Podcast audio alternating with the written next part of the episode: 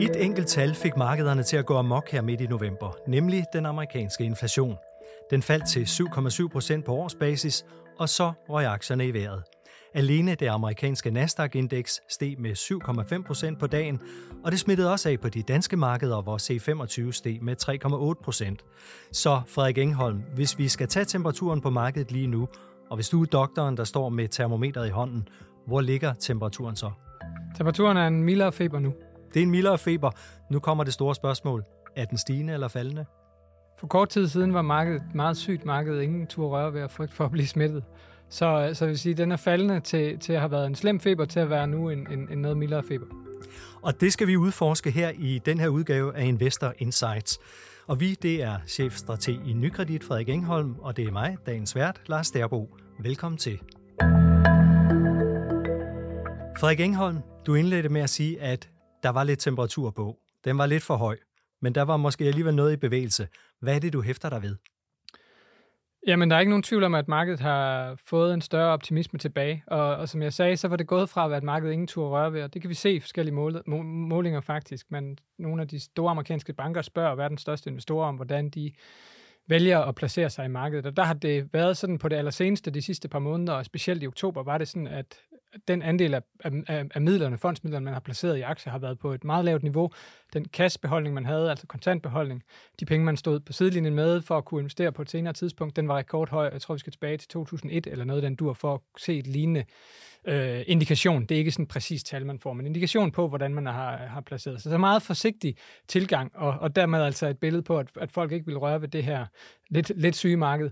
Øhm, og så har der, har der rigtig nok været nogle forskellige skifte, som har trukket retningen af, at øh, stemningen er blevet lidt bedre. Jeg vil sige for det første, når det er sådan, at mange holder sig væk, så skal der, og mange i forvejen er defensivt øh, placeret, så skal der lidt mindre til at skubbe det i en positiv retning. Der skal lidt mere til at skubbe det i en yderligere negativ retning. Og det er nok det, vi har oplevet, at, at markedet har fået sådan et skub, hvor nogle af opportunisterne er hoppet ind igen. Øhm, blandt andet på baggrund af de inflationstal, du sagde, der mildner frygten lidt for, hvor meget den amerikanske centralbank skal hæve renten. Det er et af de helt store temaer.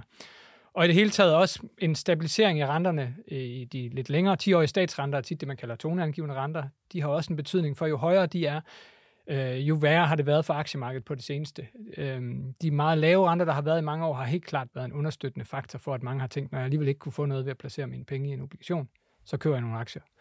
Så, så, og de lange renter, de er stedet i en periode hen over sommeren, det pressede aktie, eller hen over sensommeren, det pressede aktiemarkedet tilbage igen, og så har de egentlig sådan stagneret på det seneste, faldet lidt tilbage, og det har også hjulpet markedet. Så det er de her ting, meget omkring renter, centralbanker og deres hvad kan man sige, det, der driver dem i et eller andet omfang, inflationen, der har styret billedet på det seneste. Og det er det, som har fået dig til at sige, at temperaturen var noget for høj, men nu er den faldet lidt. Ja, og, det, og jeg tænker også, det er meget et stemningsbillede, for jeg synes egentlig, hvis du spørger mig, synes jeg ikke, tingene ser voldsomt meget bedre ud. Jeg tror i virkeligheden, mange af de ting, som styrer den amerikanske centralbank, tror jeg ikke er bedre synderligt meget. Jeg tror, de er mere fokuseret på, hvordan jobmarkedet i USA kører. Det kører stadigvæk i et alt for højt gear, hvis man kan tillade sig at sige det, men det er jo ikke det er jo en lykkelig omstændighed, at flere folk kommer i arbejde og får jobs, men arbejdsmarkedet er overophedet derover, det er der ikke nogen tvivl om, og det betyder, at det er en medvirkende faktor til at skabe en inflation, der er for høj. Og det er det, som centralbanken, tror jeg, har mere fokus på, end at inflationstallet lige viste, at toppen af den her alt, alt for høje inflation, vi har, er, er taget af. Og nu taler vi meget USA her. Hvad hvis vi ser på euroområdet, det europæiske område, det danske? Ja, jeg vil sige generelt, at det er egentlig det, det er de samme faktorer, der driver overordnet. Det er også sådan, at når, det amerikanske, når den amerikanske centralbank når forventningerne til dem ændrer sig en lille smule, så er det klart det vigtigste også for vores aktier. Og Det er nok oven i købet vigtigere nærmest, end hvad vores egen centralbanker går og gør. Vores egen er ikke synderlig vigtig i den her scene, men for eksempel den europæiske, som, som sætter tonen i vores del af verden. Den amerikanske er meget vigtig. Hvis man kigger på det globale aktieindeks, som er sådan en samling af aktier fra hele verden, så fylder de amerikanske aktier i sig selv over halvdelen af det. Så det vidner om, at den amerikanske region er særlig vigtig, den amerikanske økonomi er særlig vigtig, og den amerikanske rente er ekstraordinært vigtig, fordi den spiller ikke kun en rolle for USA, den spiller faktisk også en rolle mange andre steder i verden. Øh, øh indirekte, også i Europa, men mange steder er, er, er, hvad man sige, er, er statsrenterne og, og, og den øh, lånerente, man låner til, knyttet mere op på dollarrenten end, end noget andet. Så derfor så er det simpelthen så afgørende, hvad den der øh, amerikanske centralbank vælger at gøre med, øh, med, øh, med renten. Du var lidt inde på det, men I sendte en analyse ud her øh, forleden øh, om, at Danmark er på vej i teknisk recession. Hvis vi kigger på det her recessionskrisebillede, hvordan ser det så ud? Jamen, der vil jeg sige, der ser det lidt forskelligt ud. Danmark er i både med resten af Europa, vi er øh, i et eller andet omfang nok lidt mildere ramt, men vi har samme problematik, som, som relaterer sig til, vi har også høj inflation. Meget af den inflation stammer fra historien. Den, den, den tragiske situation i Ukraine og den energisituation, det har sat os i, altså den energikrise, der driver øh, ja, i virkeligheden meget af snakken omkring inflation herhjemme. De høje gaspriser, som slår over i høje elpriser, som slår over i høje priser på en række andre opvarmningsmuligheder også. Og, og dermed er det øh, den afgørende faktor for, at vi i Europa står lidt sværere end i USA, hvor de ikke har samme øh, problematik omkring gassen. Øh, det er nogle andre ting, der driver det der. Det er mere arbejdsmarkedet. Så, så på den måde er det en lille smule forskelligt. Det betyder også, at vores inflationschok i virkeligheden er, er, er slemmere for os. Vi er ikke lige så godt klædt på til at, at modstå det, og vi har en forventning om, at Europa og Danmark, men nok mere det resterende Europa kommer til at opleve en lidt større tilbagegang økonomisk set, end vi for eksempel forventer fra Danmark, og i endnu mindre grad i USA, hvor vi faktisk bare tror, at økonomien går i stå. Det er typisk også slemt nok for virksomhederne, at det, det går i stå. Det er nok til, at de mange brancher kan have svært ved at opretholde indtjening. Og når en økonomi går i stå, så er det jo et billede på, at nogle ting stadigvæk vokser. Andre ting falder tilbage, og nogle ting falder typisk meget tilbage. Det kan blandt andet være øh, byggeri og den slags, som ovenikøbet er meget følsomt over for den voldsomme stigning, man jo har fået øh, stort set alle steder i Vesten i renterne.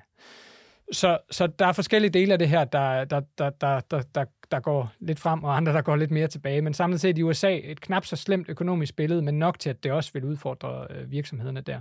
Og så er der altså, som sagt, det her rente, skift i renterne, som nok er det, der er allermest vigtigt for, øh, for de finansielle markeder, fordi det, som jeg startede med at sige, det har altså været en drivkraft for mange aktiver, mange investeringsobjekter, at renterne har været så lave, at de ikke at de har kigget efter, hvor kan vi placere pengene henne, øh, hvor vi får lidt mere end den her meget lave rente, vi får i banken, eller måske ovenikøbet skal betale penge for at stille i banken, øh, i, den, i den seneste tid.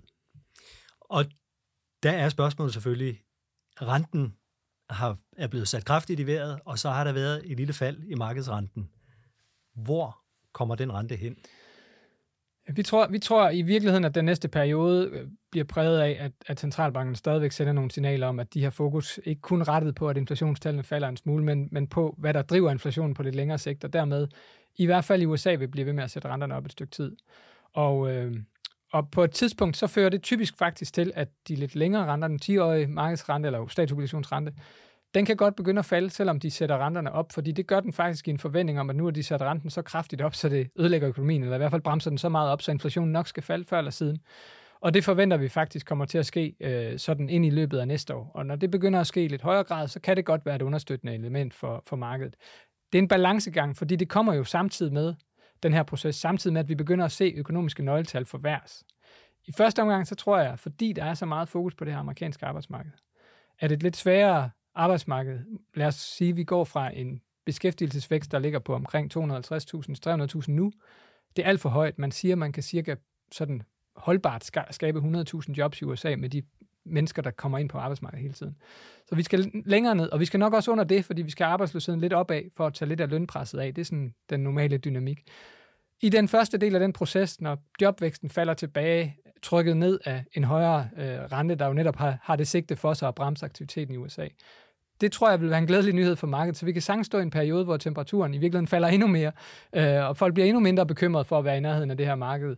Øh, men på et tidspunkt er det sandsynligt, at det er i hvert fald vores forventning, at, at så svinger det til, at folk begynder at blive bekymret for, hvor stort er det tilbageslag, så hvad gør det ved virksomhedernes indtjening osv., og derfor kan det blive den næste del af det. Så går det egentlig fra at være en inflationsfrygt til at være en vækstfrygt, som, som typisk også er, er slemmere for aktiemarkedet. Det gode ved den er så, at det er knap så slemt for obligationsmarkedet, fordi det betyder typisk faldende renter. Så vi får trods alt ikke det, som det hvad man sige, horribelt træls, man har oplevet i år, at både ens obligationer får en masse bank, og ens aktier får en masse bank. Normalvis er det jo sådan, at sådan en portefølje, der har lidt af hvert, klarer sig lidt bedre, fordi de typisk opfører sig modsatrettet, men det har de altså ikke gjort i år. Lad os vende tilbage til det med, hvordan man sammensætter sin portefølje i, i de her turbulente tider med let forhøjet feber. Men nu nævnte du netop virksomhederne og regnskaberne. Hvordan, hvilke bidrag ser du der? Der har jo lige været regnskabssæson. Hvad, hvad ser du komme der?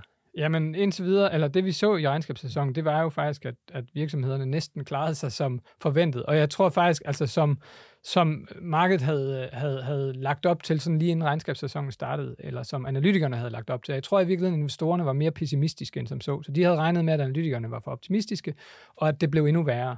Og derfor var det faktisk nok en, en sådan udmærket begivenhed. En begivenhed, der har medvirket til, at vi har fået det her skub op i markedet, som vi har fået. Og aktiemarkedet er jo altså steget sådan en, hvis vi kigger på de amerikanske øh, aktier, jeg tror faktisk, det er nogenlunde det samme globalt, så er vi steget sådan en 10-12 procent øh, fra øh, en bund, som ligger, den seneste bund, som ligger en, en 3-4 uger tilbage eller noget den tur. Så det er en ret pæn stigning, øh, vi har fået. Aktier var på det tidspunkt, da det var værst, faldet cirka 25 procent fra toppen. Nu er vi nede på cirka 15. Og den her øh, regnskabssæson har helt klart øh, tror jeg, sådan, egentlig været en positiv overraskelse for investorerne, selvom det ikke var nemt at se. Vi landede stort set der, hvor analytikernes forventninger var øh, på forhånd.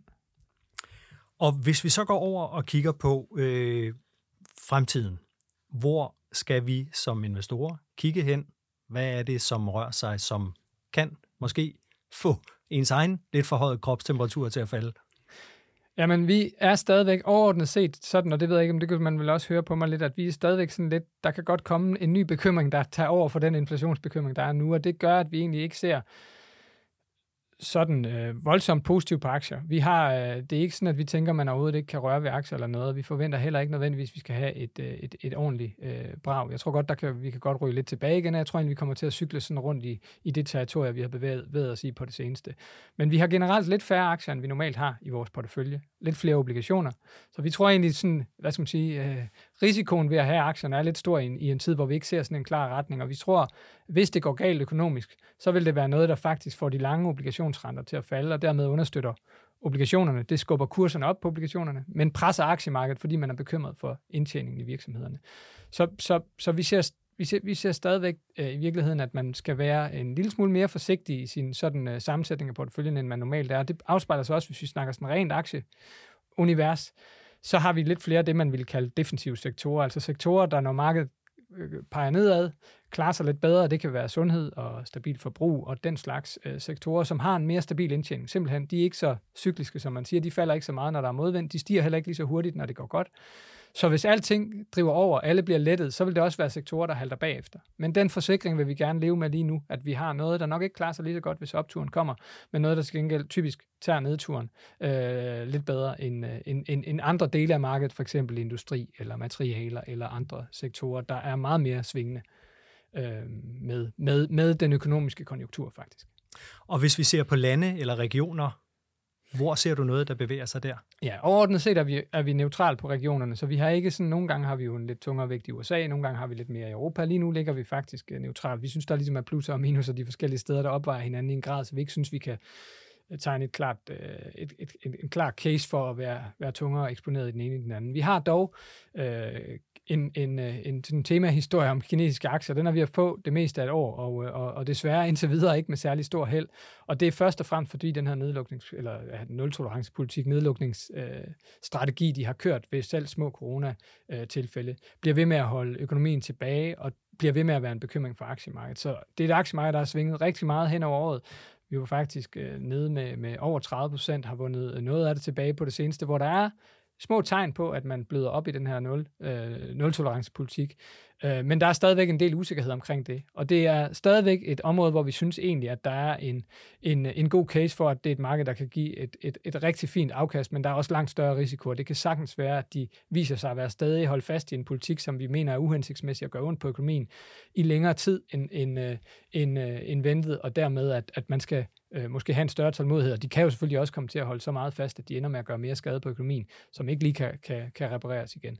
Så, så det, er en, det er en case, vi holder fast i, først og fremmest med det argument, at vi ser stadigvæk tegn på, at man bevæger sig i retningen af en lidt mere større tolerance over for det her corona, og dermed også, at vi kan se en kinesisk økonomi, der bouncer tilbage, og det vil være noget, der vil, hvis vi ser det, sådan et endeligt opgør med det, vil kunne give et ordentligt skub til det kinesiske aktiemarked. Så altså, hvis vi skal samle op her på patientens tilstand, i korte træk, hvad ser du så?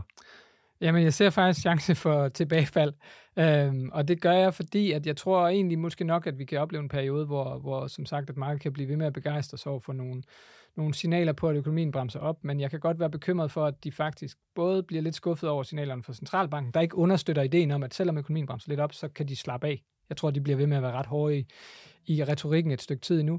Plus den her øh, glæde over svag, svækkede nøgletal kan hurtigt blive til en frygt for, hvor, hvor godt det egentlig går. Så det vi regner med at holde øje med, eller forventer, det er egentlig, at vi skal, vi skal, vi skal have lidt tålmodighed, mens tingene svækkes, og vi skal, vi, skal, vi skal vente lidt på, at det egentlig bliver endnu værre, og måske også, at investorerne bliver mere bekymrede, øh, før vi igen tænker, at, øh, at, øh, at, at nu er det måske tid til at, at, at øge vægten i aktier igen. Og så, så, så vi forventer, der går lidt tid.